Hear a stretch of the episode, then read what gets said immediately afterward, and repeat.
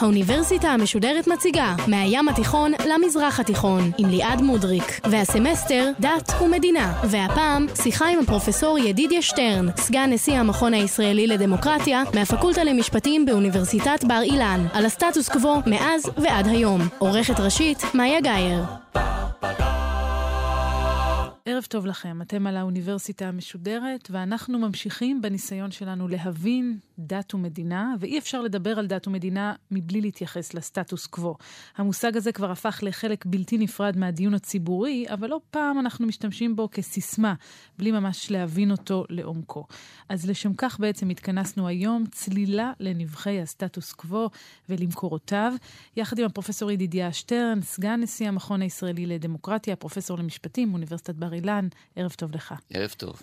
אז נתחיל אולי בלהבין מאיפה המושג הזה מגיע, הוא נכנס לחיינו, אנחנו יודעים, מימי בן גוריון, במכתב המפורסם? בעצם מדובר בהסדר שכשנחתם לא היה מחייב, הוא היה מכתב גרדה. לפני קום המדינה, בשנת 47, בין אישי ציבור שהם ייצגו את המוסדות הציוניים טרום המדינה, לבין מי שעמד בראש אגודת ישראל באותה תקופה, הרב לוין. במסגרת המכתב, אותם אה, אנשים, בן גוריון בראשם, ולצידו גם הרב מימון, שייצג את הציונות הדתית ועוד אנשים, הבטיחו לאגודת ישראל שכשתקום המדינה, במספר סוגיות יסוד שעתידות אה, לקבוע את הזהות של המדינה, המדינה תתנהל על פי מה שכתוב בהסכם, דהיינו המנצח לא עתיד לקחת את הכל. שהמוסדות הציוניים של התקופה ביקשו להציג אחידות דעים לגבי הרצון של כולנו, יהודים בארץ ישראל, היישוב, בעד תוכנית החלוקה שהוצעה בזמנו. אבל חשוב להבין, כפי שפתחתי, שלא מדובר במסמך מחייב, אלא מדובר בהצעת כוונות. אני רוצה עוד להבין בכלל את הנסיבות שגרמו לכתיבת המכתב. אז צריך לרתום עכשיו את כל החלקים ביישוב היהודי יחד לקראת תוכנית החלוקה, ולשם כך בעצם בן גוריון משלם קנס, מס? מבחינתו, כן, מדובר בוויתור מסוים שהוא נדרש מתוך חוכמת מעשה. בדיעבד ניתן לקרוא לזה משהו כמו דמוקרטיה הסדרית. יוצרים קונצנזוס. בקונצנזוס יש פשרות מהותיות, אידיאולוגיות, נסבלות, וזה מה שהיה שם. היה משא ומתן? אנחנו יודעים איך זה... אנחנו לא יודעים במדויק מה היה, אבל ברור שהמכתב הזה לא בא אה, משום מקום, הוא בא על בסיס אה, שיחות שהתנהלו. באמת, כשחושבים על הנושאים, שוודאי נטפל בהם, הנושאים הללו מתארים את המצוקות הגדולות של קבוצת משנה, שבניגוד לקבוצות משנה בדרך כלל, דואגת לכך שהכלל יהיה מאוחד ככלות הכל. שזה שיווי משקל מעניין שהסטטוס קוו מנסה להשיג אותו. לאפשר למיעוט להיות חלק מהרוב, בלי להיפרד מה, מהשקפתו ומהרוב. והיו ארבע נקודות מרכזיות במכתב הזה. נכון. אז המכתב איננו עוסק בכל נושא דת ומדינה, אבל עוסק באמת בארבע נקודות שהן הנקודות המרכזיות, ואלו הנקודות. ראשית, מדובר על העניין של כשרות במטבחים ממלכתיים. זה שאני יכולתי לאכול בצבא בכל מקום, נובע מהסטטוס קוו. האוכל שם כשר, והוא הדין עם משרדי הממשלה וכל מוסד ממלכתי. בנוסף לזה, בהקשר של כשרות, מדובר גם על כך שיהיה בישראל אה, מוסד אחד מונופוליסטי, קוראים לו רבנות ראשית לישראל, שהוא יחליט מה כשר ומה איננו כשר. כן, הרבנות היא טרום מדינה, היא מוסד דתי, אה, שהרב קוק, שנפטר עוד בשנות ה-30, יצר אותה, ועם קום המדינה, הרבנות היוותה את האורגן של המדינה שאחראי לפניה הדתיות, לטוב ולמוטב. אבל המכתב הזה בעצם נותן לה את המונופול. נכון, נותן לה את המונופול בנושא של כשרות בינתיים. זה הנושא הראשון. הנושא השני הוא נושא שנוגע יותר לחיים של כל אחד מאיתנו ומתערב יותר בחיים שלנו, וזה הנושא של הדין האישי, דיני נישואין וגירושין בישראל. כאן למעשה המכתב אימץ את הגישה שהייתה קיימת בפלסטינה. החוק העות'מאני. החוק העות'מאני, המילט, שבעצם אמר כזה דבר, האימפריה העות'מאנית אמרה לכל המיעוטים שחיים במסגרתה, הקשיבו היטב. בנושא של הקמת משפחה, סדרי ההתנהלות שלה, וכל מה שקשור לדין האישי, אנחנו נותנים למנהיגים הדתיים הרשמיים של כל אחת מהדתות בתוך האימפריה את הזכות ואת האחריות לאפשר ולשפוט ולדון בנושא נישואים וגירושין, ועל בסיס זה גם מכתב הסטטוס קוו, במובן הזה זה מאוד נוח, המשיך את השיטה ואמר, אוקיי, מי שיהודי, הרבנות הראשית, שהיא הנציג הפורמלי של אה, היהודים במובן הדתי, תהיה אחראית על הנושא. התוצאה המעשית היא, בישראל אפשר להתחתן ולהתגרש רק על פי הדת של אנשים. ואולי הדבר הבולט ביותר הוא שאי אפשר, אם כן, שיתקיימו בישראל נישואים מוכרים על ידי המדינה, שהם נישואים בין בני לא אותה דת, דהיינו התבוללות או נישואי תערובת או משפחה מעורבת, יהיה התואר אשר יהיה. נושא שלישי, שאני חושב שהשלכותיו משפיעות על היומיום הישראלי, זה נושא החינוך. הפער בין הרצון הכללי של בן גוריון ושל הוגי הציונות הפוליטית, שהיא בעיקרה חילונית, ליצור כאן קבוצת זהות אחת מול הצורך לאפשר לקבוצות המשנה, כמובן בעיקר דתיים, חרדים, ערבים, לאפשר להם המשכיות של תרבות המשנה שלהם, יצר את ההסכמה שיהיו כאן זרמים בחינוך. יש פה רצון לממלכתיות, אבל הבנה שהמשמעות של זה זה לא לאפשר למשפחות אה, לייחד את מערכת חינוך על פי השקפתם. כמובן שהתוצאה היום הינה שחלק לא מבוטל מאזרחי מדינת ישראל נמצאים בתוך uh, מערכת סגורה שבה הם פוגשים בעיקר אנשים מהסוג שלהם, עם כל ההשלכות הבעייתיות של העניין הזה. כמובן, מצד שני, ההכרח די ברור, כי אם uh, שולחים ילד בכיתה א' לפגוש את כל העולם כולו, עד כמה עמוק נמל הזהות הפרטי שלו, אז זה אפשר להסתפק. אנחנו למעשה מדברים ממלכתיות, ואני חושב שרבים מתכוונים לזה בלב מלא. אבל ברור שמה שחותר תחתיו בצורה בסיסית ביותר זה החינוך הנפרד בינינו. אני גם מציג את הצד השני, שעבור רבים זה הכרח לא יגונה. משום הרצון לגדל את הילדים על פי השקפת עולם מסוימת ולא כן. ממלכתית בהכרח. והנושא הרביעי?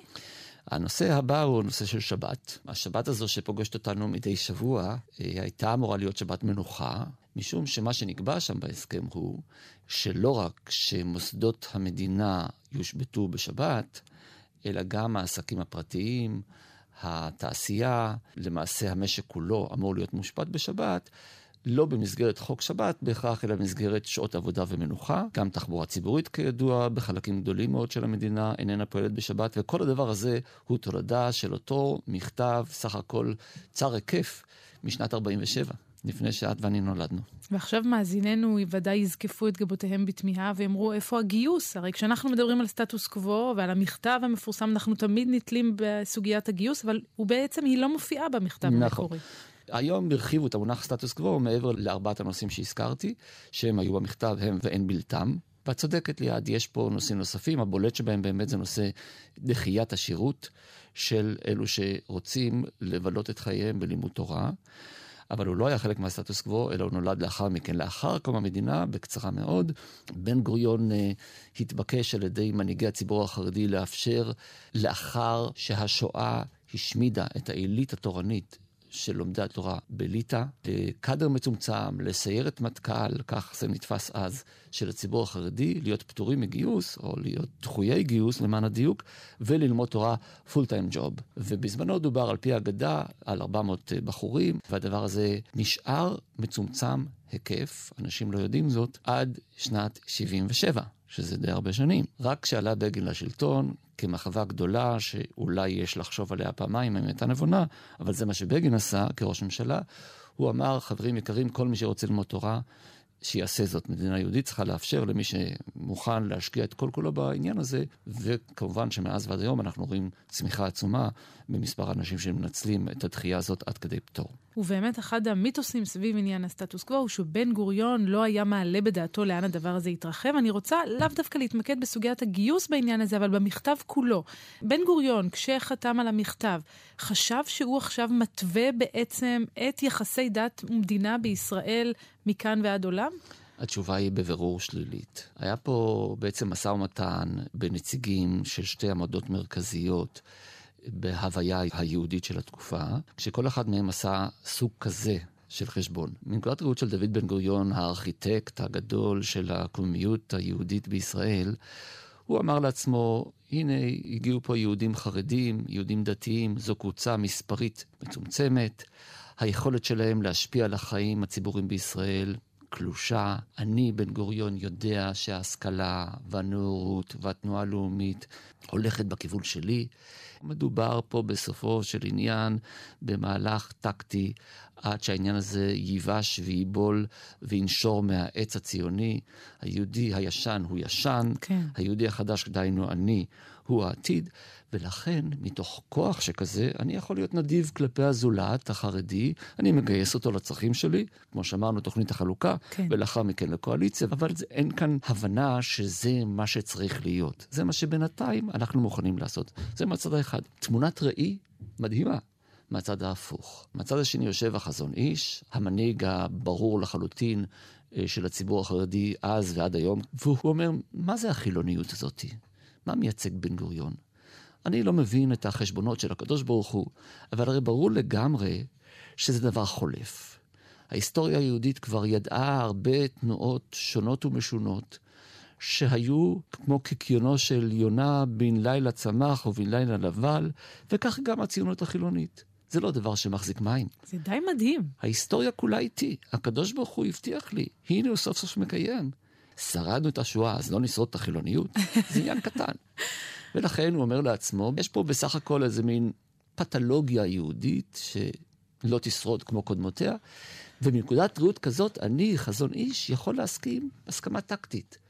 לוותר, ומבחינתו יש ויתור אדיר, על כל החזון שהמדינה תהיה מדינה דתית. אבל היו מתנגדים בזמן אמת למכתב הזה? תראי, באופן כללי, בתקופה ההיא בן גוריון הייתה לו פוזיציה בנושאים הללו, בנושאים התרבותיים, שאמרה מה פתאום, אה, המנצח לוקח הכל, מה פתאום אנחנו מוותרים. לא הבינו עד הסוף את המשמעות של הוויתורים הללו. הייתה פה הסכמה נדיבה של שני אנשים שהסתכלו מלמעלה למטה על הזולת ואמרו, אובדנך קרוב ולכן אני מסכים איתך. כמובן זה לא בסיס לחיים לטווח ארוך, וזו הטרגדיה שמתפתחת פה של הסטטוס קוו. אבל כשאנחנו מדברים על הסטטוס קוו, כפי שהזכרת קודם, זה לא רק המכתב, יש הרבה תוספות מאוחרות שמרחיבות אותו, אז בעצם ממה מורכב הסטטוס קוו דהיום? תראי, גם מרחיבות וגם מצמצמות, זאת אומרת, זה תהליך דינמי. זה נכון שבגדול ארבעת הנושאים וגם החמישי שהזכרנו, ואגב, צריך להוסיף גם שישי, נושא של מי יהודי.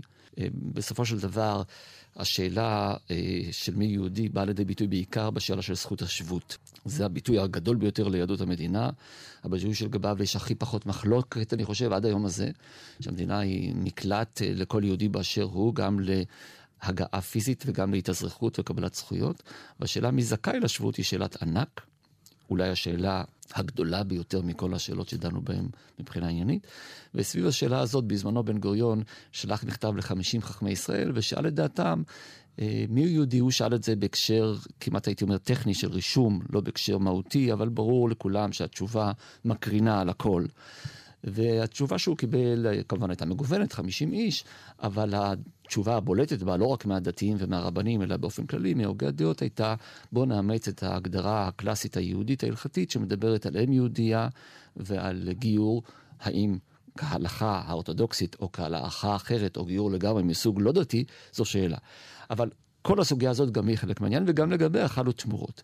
אני חושב ששבת בישראל של היום שונה לחלוטין משבת אפילו שאני זוכר אותה בילדותי, וזה לא נובע משינויים בחקיקה, זה נובע ממה שקרה בשטח. מציאות בפועל, מה כן. שנקרא bottom up. נכון. אבל באמת ניזכר אולי בכמה מחזיתות המאבק הזה סביב כן. השבת. למשל, הנה מצאנו בארכיון שלנו דיווח בגלי צה"ל, מיכה פרידמן הוא המגיש באולפן, מספר על הוויכוח סביב קולנוע היכל. לראשונה בישראל רשות מקומית עומדת לעתור נגד שר הפנים אה, בבית הדין הגבוה לצדק. הנה, הנהלת עיריית פתח תקווה החליטה אתמול לעתור לבג"ץ נגד אה, הדוקטור יוסף בורג בעקבות התנגדותו לתיקון לחוק העזר העירוני העוסק אה, בהפעלת בתי עסק בלילות שבת וחגים. מדווח כתבנו אורי גינוסר. כבר למעלה משלושה חודשים ניטש בפתח תקווה המאבק סביב הפעלת בתי עסק ושעשועים בלילות שבת וחג.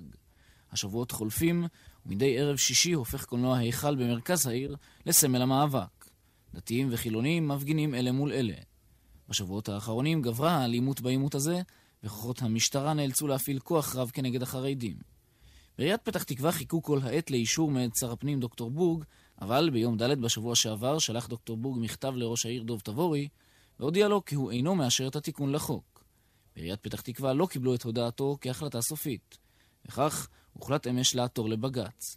אז כך זה נשמע ב-1984. היום, כפי שאתה אומר, המציאות בפועל היא שיש בתי עסק שפתוחים בשבת ובערב שבת, לא מעט כאלה. איך זה מתבטא בחוק? קודם כל צריך לזכור, בתקופה ההיא הרבנים הראשיים של פתח תקווה נזרקו לכלא עקב ההפגנה. אלפים הופיעו שם. מישהו מעלה על דעתו שדבר כזה יקרה היום? זה לא שהמלחמה נגמרה או שיש הסכמה, אין, זה ברור. מה שבפועל קורה הינו שאם לא תהיה הכרעה בחוק שתעצור את הפיכת השבת ליום חול, כוחות השוק ינצחו את השבת. ועכשיו אני חושב שאם תעמידי את רוב חברי הכנסת הנוכחים מאחורי פרגוד סגור, ותשאלי אותם איזה שבת אתם רוצים, יש לכם אופציה לא לשבת דתית, לשבת שיש בה ניחוח מיוחד, שמאפשרת מנוחה לכולם, ותאפשרי בצורה הגונה תחבורה ציבורית לאלו שלא יכולים להשתמש נניח במוניות ואין להם רכבים פרטיים ורוצים להגיע לים, ותאפשרי תרבות שבתית, לא צרכנית. אין לי ספק ש-80% מחברי הכנסת יצביעו בעד, והעניין בשל להכרעה לאומית. אז זה בעניין השבת. כן. אבל בואו נחזור באמת להמשך העדכון של הסטטוס קוו דוגמה, בסוגיות האחרות. דוגמה לסוגיית הכשרות, למשל.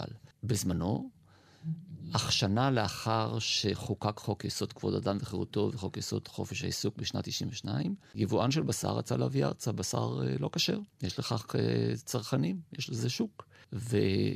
אסרו עליו, מתוך הנחה שהסטטוס קוו לא מאפשר את העניין הזה. העניין הגיע לבג"ץ, ובפסק דין אקטיביסטי בולט, בית המשפט בעצם אמר שהחוק של הכנסת, שעניינו כשרות, בטל מפני חוק יסוד חופש העיסוק. ובכך בעצם יצר את הטון החדש שאומר, רגע, רגע, רגע, סטטוס קוו, דת ומדינה, יפה מאוד. אבל מעל החקיקה הרגילה נמצאים חוקי היסוד, הבולט שבהם זה חוק יסוד אה, כבוד האדם וחירותו, גם חוק יסוד חופש העיסוק, שהוא הרלוונטי לסוגיה הספציפית, ומאז ליעד אין יותר חוקי יסוד.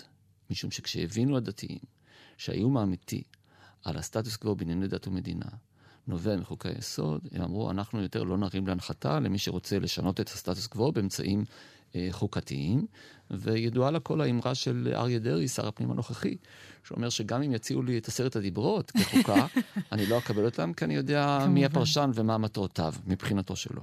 ואם אתה מציין את העניין הזה, אז אולי ניזכר בעוד קטע ארכיון נוסף. אז חבר הכנסת הצעיר יובל שטייניץ, שמסביר את מה שבעיניו נתפס כחוסר ההיגיון בביטול הסטטוס קוו בהקשר הזה. נוצר סטטוס קוו מסוים. במשך 40 שנה הסטטוס קוו הזה החזיק פחות או יותר מעמד. הייתה חקיקה דתית מסוימת, היו נורמות מסוימות ברשויות המקומיות, וכל אחד סבל את זה בשקט. בעשור האחרון זה נשבר במידה מסוימת, זה הותקף במידה מסוימת, זה הותקף בעיקר על ידי הצד החילוני.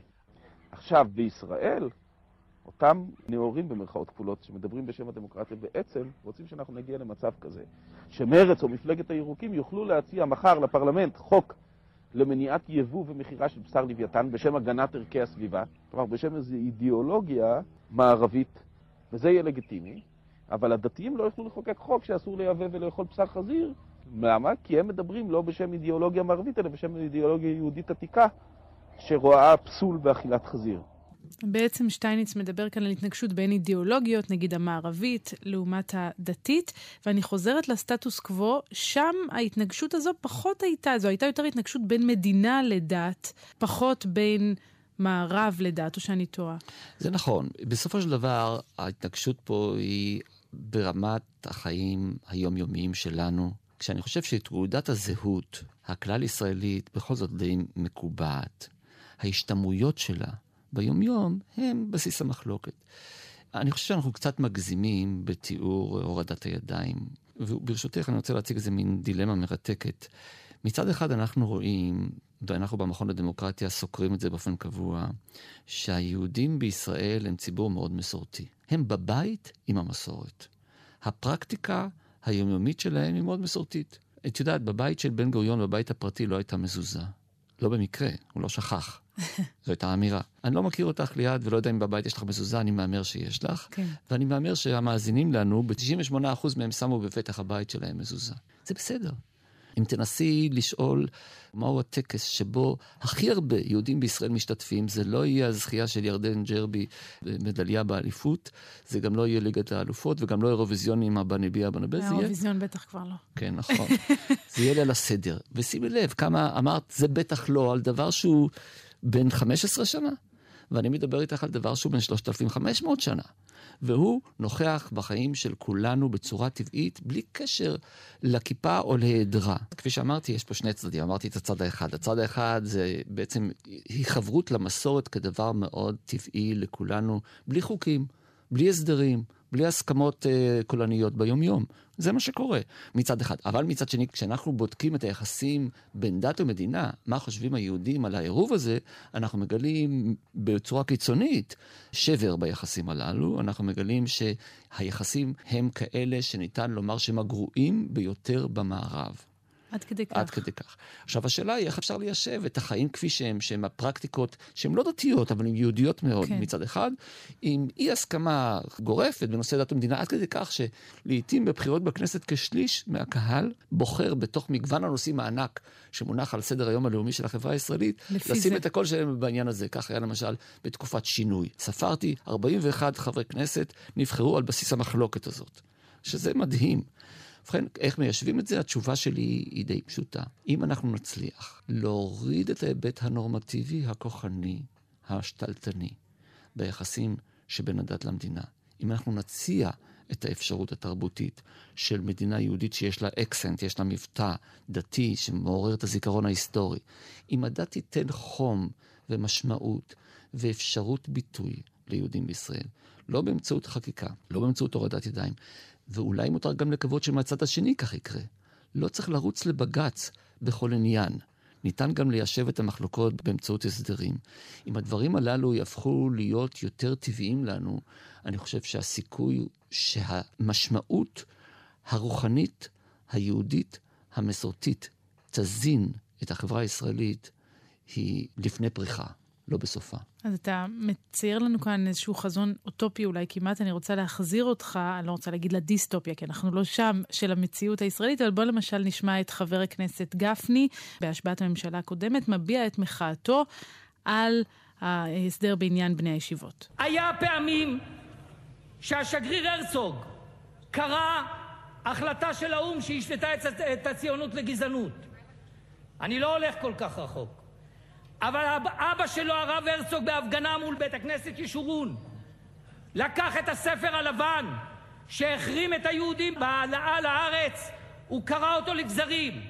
ואני את ההסכמים האלה, שהם הספר הלבן נגד הציבור החרדי, קורע לגזרים. זה לא אנחנו. אנחנו אומרים לקדוש ברוך הוא, זה לא אנחנו ההסכמים האלה. אנחנו מתנגדים להם. הם פוגעים בלומדי התורה. לא נקבל את זה וזה לא יבוצע. אתה שומע את האמוציות. אז בוא נדבר על פוליטיק, זה גם בונה אותם. הזכרת את 41 חברי הכנסת שנבחרו על הטיקט הזה עוד לפני כן. יש לחברי הכנסת אינטרס לא להישמע כך? תראי, זה ברור לגמרי שהפוליטיקה ניזונה ממחלוקת. אני רוצה להגיד את הדבר, ברשותך, היותר בסיסי פה לדעתי. וממש בימים הללו, כל ההישגים של אותה קואליציה שלגביה דיבר גפני, יש עתיד, גזרות לפיד, מה שנקרא בלשון העם, כל הדבר הזה בוטל לחלוטין. שימי לב, שבע, שמונה שנים הורידו פה ידיים סביב הנושא הזה, עם תנועות אזרחיות, עם הפגנות המונים, עם פסיקה אקטיביסטית באמת מהקיצוניות בתולדותינו של ביטול חוק טל, ולאחר מכן בגלל זה הליכה לבחירות על זה. ויצירת מפלגה שהייתה סטאר, כוכבת, 17 מנדטים. עולם ומלואו שהעסיק אותנו כולנו כן. יום ולילה, שש-שבע שנים. והנה, וישוחו המים. למעשה נתניהו מכר את כל העניינים חזרה לחרדים, בלי לשלם שום מחיר ציבורי. איך אתה למה... מסביר את זה? אני רוצה לומר את הדבר הבא. אי אפשר לכפות שינויים על קבוצת משנה תרבותית, כמו החרדים, באמצעות החוק והמשפט. לא בית משפט עליון וגם לא הכנסת. עם זאת, ספציפית לגבי החרדים, השינוי כבר שם. רק לא נפריע לו להתרחש. ממש כמו שאמרתי לגבי המסורתיות. אף אחד לא רוצה שהילדים שלו יהיו עניים. יש אתוס, יש חיים. החיים הם שאם אתה נשאר בלימוד תורה, ורבים לא מתאימים למשימה כמובן, יש שם ADD בדיוק כמו אצל כל האחרים.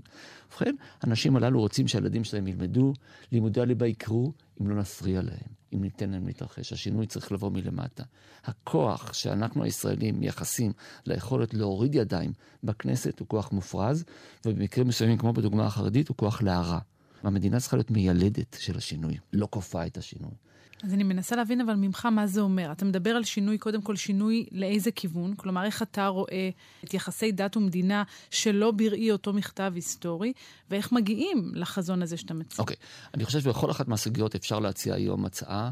שכמו שאמרתי מקודם, ניתן לכנסת להצביע בלא לחצים, כל אחד מחברי הכנסת עם מצפונו, דהיינו אנונימי, אני חושב יהיה רוב גדול, אפילו שלושה רבעים, לכל ההצעות שאני הולך להציע. לגבי שבת, הפתרון ידוע. בואו נאפשר שבת שהיא שבת שבה הקניונים סגורים, תרבות, בידור ופנאי אפשריים, פתוחים וזמינים באמצעות תחבורה ציבורית. מפעלים שההפסדים שלהם יהיו עצומים, יהיו סגורים בשבת, יקבלו היתרים ייחודיים. זה הסדר שאפשר להעביר אותו בזריזות ולטובת כולם.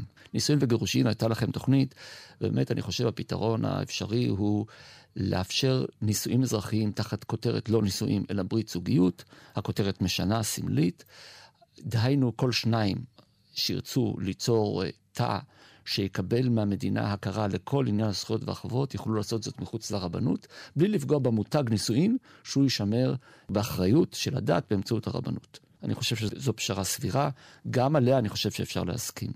באשר לשאלה של כשרות, אני חושב שהכיוון צריך להיות שהרבנות תהיה הרגולטור שנותן דרגות כשרות למסעדות, לבתים שבהם הם מגישים אוכל לציבור, כאשר הוא לא מתערב בכשרות עצמה. הוא קובע, זו כשרות מרמה ג', ב' וא', רגולציה. ואם מישהו רוצה להשתמש במותג כשרות בלי הרגולציה של הרבנות, שיבושם לו. זה בנושא הכשרות. לגבי הדחייה של הגיוס, אני חושב שאנחנו נמצאים במצב לא טוב כרגע, משום שבפועל אין דין ואין דיין. מה שקרה הוא ממש שביקשו לברך ויצאו מקללים. אני חושב שצריך להשפיע על הגיוס. אמרתי שהמדינה צריכה לשמש כמיילדת, ובכן איך? תמריצים כלכליים. אני לא חושב שהדין הפלילי הוא המכשיר הנאות לטיפול בעניין הזה. אי אפשר uh, לעשות גיוס מנדטורי על מי שיש לו בעיה אידיאולוגית עם הגיוס באמצעות הכנסתו לכלא, זה לא יעבוד, זה אנטי-ליברלי לדעתי, זה גם לא ראוי אם כן, אבל אני חושב שבהחלט אפשר להשתמש בתקציב המדינה כדי לתת גזרים אה, לאלו שמתגייסים, כדי לעודד ישיבות שרוצות ומקבלות היום תקציב, להתנות את התקציב באחוזים של בני אותה ישיבה שמתגייסים. תגיד, וזה, כל הדברים האלה יקרו בקדנציה שלנו? כלומר, בימי חיינו, או שאנחנו מדברים על... אז את שואלת מה, מה הסיכוי לשינוי? אני חושב ש... ראשית, יש שינוי פנים-דתי. ליאת, תנסי להיזכר מתי ב-15 שנה האחרונות הציונות הדתית ניסתה להעביר חקיקה דתית. אין כזה דבר. את חושבת שבנט קם בבוקר ומעניין אותו לעסוק בחקיקה דתית? זה ירד מסדר היום, טוב שכך כמובן. עכשיו החרדים הם עדיין אלו שאוחזים בקרנות המזבח של העניין הזה. אני מניח ואפשר לראות שלאט לאט אה, החרדים יבינו שהברכה הזאת היא קללה עבורם, זה לא מקדם אותם, זה פוגע בהם, יש להם אינטרסים יותר חשובים, והעיקר זה פוגע באמת באופי היהודי של המדינה. ולכן השינוי הזה כבר מתרחש, הוא עדיין לא הבשיל אצל הציבור החרדי, זו אפשרות אחת. אפשרות שנייה, שאני הייתי מאוד שמח אם הייתה מתרחשת בעיקר בתחום של נישואין וגירושין, ששם הפגיעה בזכויות אדם היא החמורה מכולם, הקהל הישראלי לא מוכן ללכת בצורה רצינית, אחראית, ולדרוש מהמנהיגים הפוליטיים שלו, שהם או מסורתיים או דתיים, אבל בעיקר חילוניים, לפעול בצורה הזאת, בצורה הגונה, לא בצורה כוחנית של פנייה לבית משפט שיוציא את ההרמונים מן האש, ולא בצורה הקיצונית של יש עתיד בקדנציה הקודמת ושל שינוי בקדנציות קודמות, אלא בצורה של הסדרים מהסוג שאני מתאר כאן, שאפשר לחיות אותם כולנו ביחד. אין כוח פוליטי רציני שמקדם את זה היום. והאפשרות השלישית? והאפשרות השלישית היא בסופו של דבר, גם בלי שום הסדרים, השינוי בשטח. אמת מארץ תצמח. אנחנו רואים את זה בכל הכיוונים. הסטטוס קוו מסתובב כשעל המצח שלו תלוי כבר גזר דין מוות. כשהציבור פועל אה, באמצעות הרגליים, זה לא אידיאלי, אבל זה מה שקורה בשטח. מנהיגי ציבור, לא רק דתיים, אם נתניהו יישב עם ראשי האופוזיציה ויגיד, חבר'ה, בואו נעשה הפסקת אש, בכל הנושאים האחרים ניתן להגיע בהסכמה רחבה. כמובן שזה אוטופי, משום שכולם יודעים שבקואליציה הבאה נצטרך את החרדים, כן. ולכן כבר עכשיו לא נוכל לוותר על שום דבר. אז נמשיך לחכות בינתיים. פרופסור ידידיה שטרן, תודה רבה לך על השיחה המרתקת הזו. תודה רבה גם ליואב כהן, הטכנאי שלנו. אנחנו ניפגש כאן גם בתוכנית הבאה של האוניברסיטה המשודרת, שתעסוק במיעוט המוסלמי בישראל. השיחה שלנו נסובה בעיקר, או כמעט אולי רק בכלל, על יחסי דת ומדינה בהקשר היהודי, ואנחנו בשבוע הבא נדון גם בהקשר המוסלמי. תודה רבה לך. ערב טוב.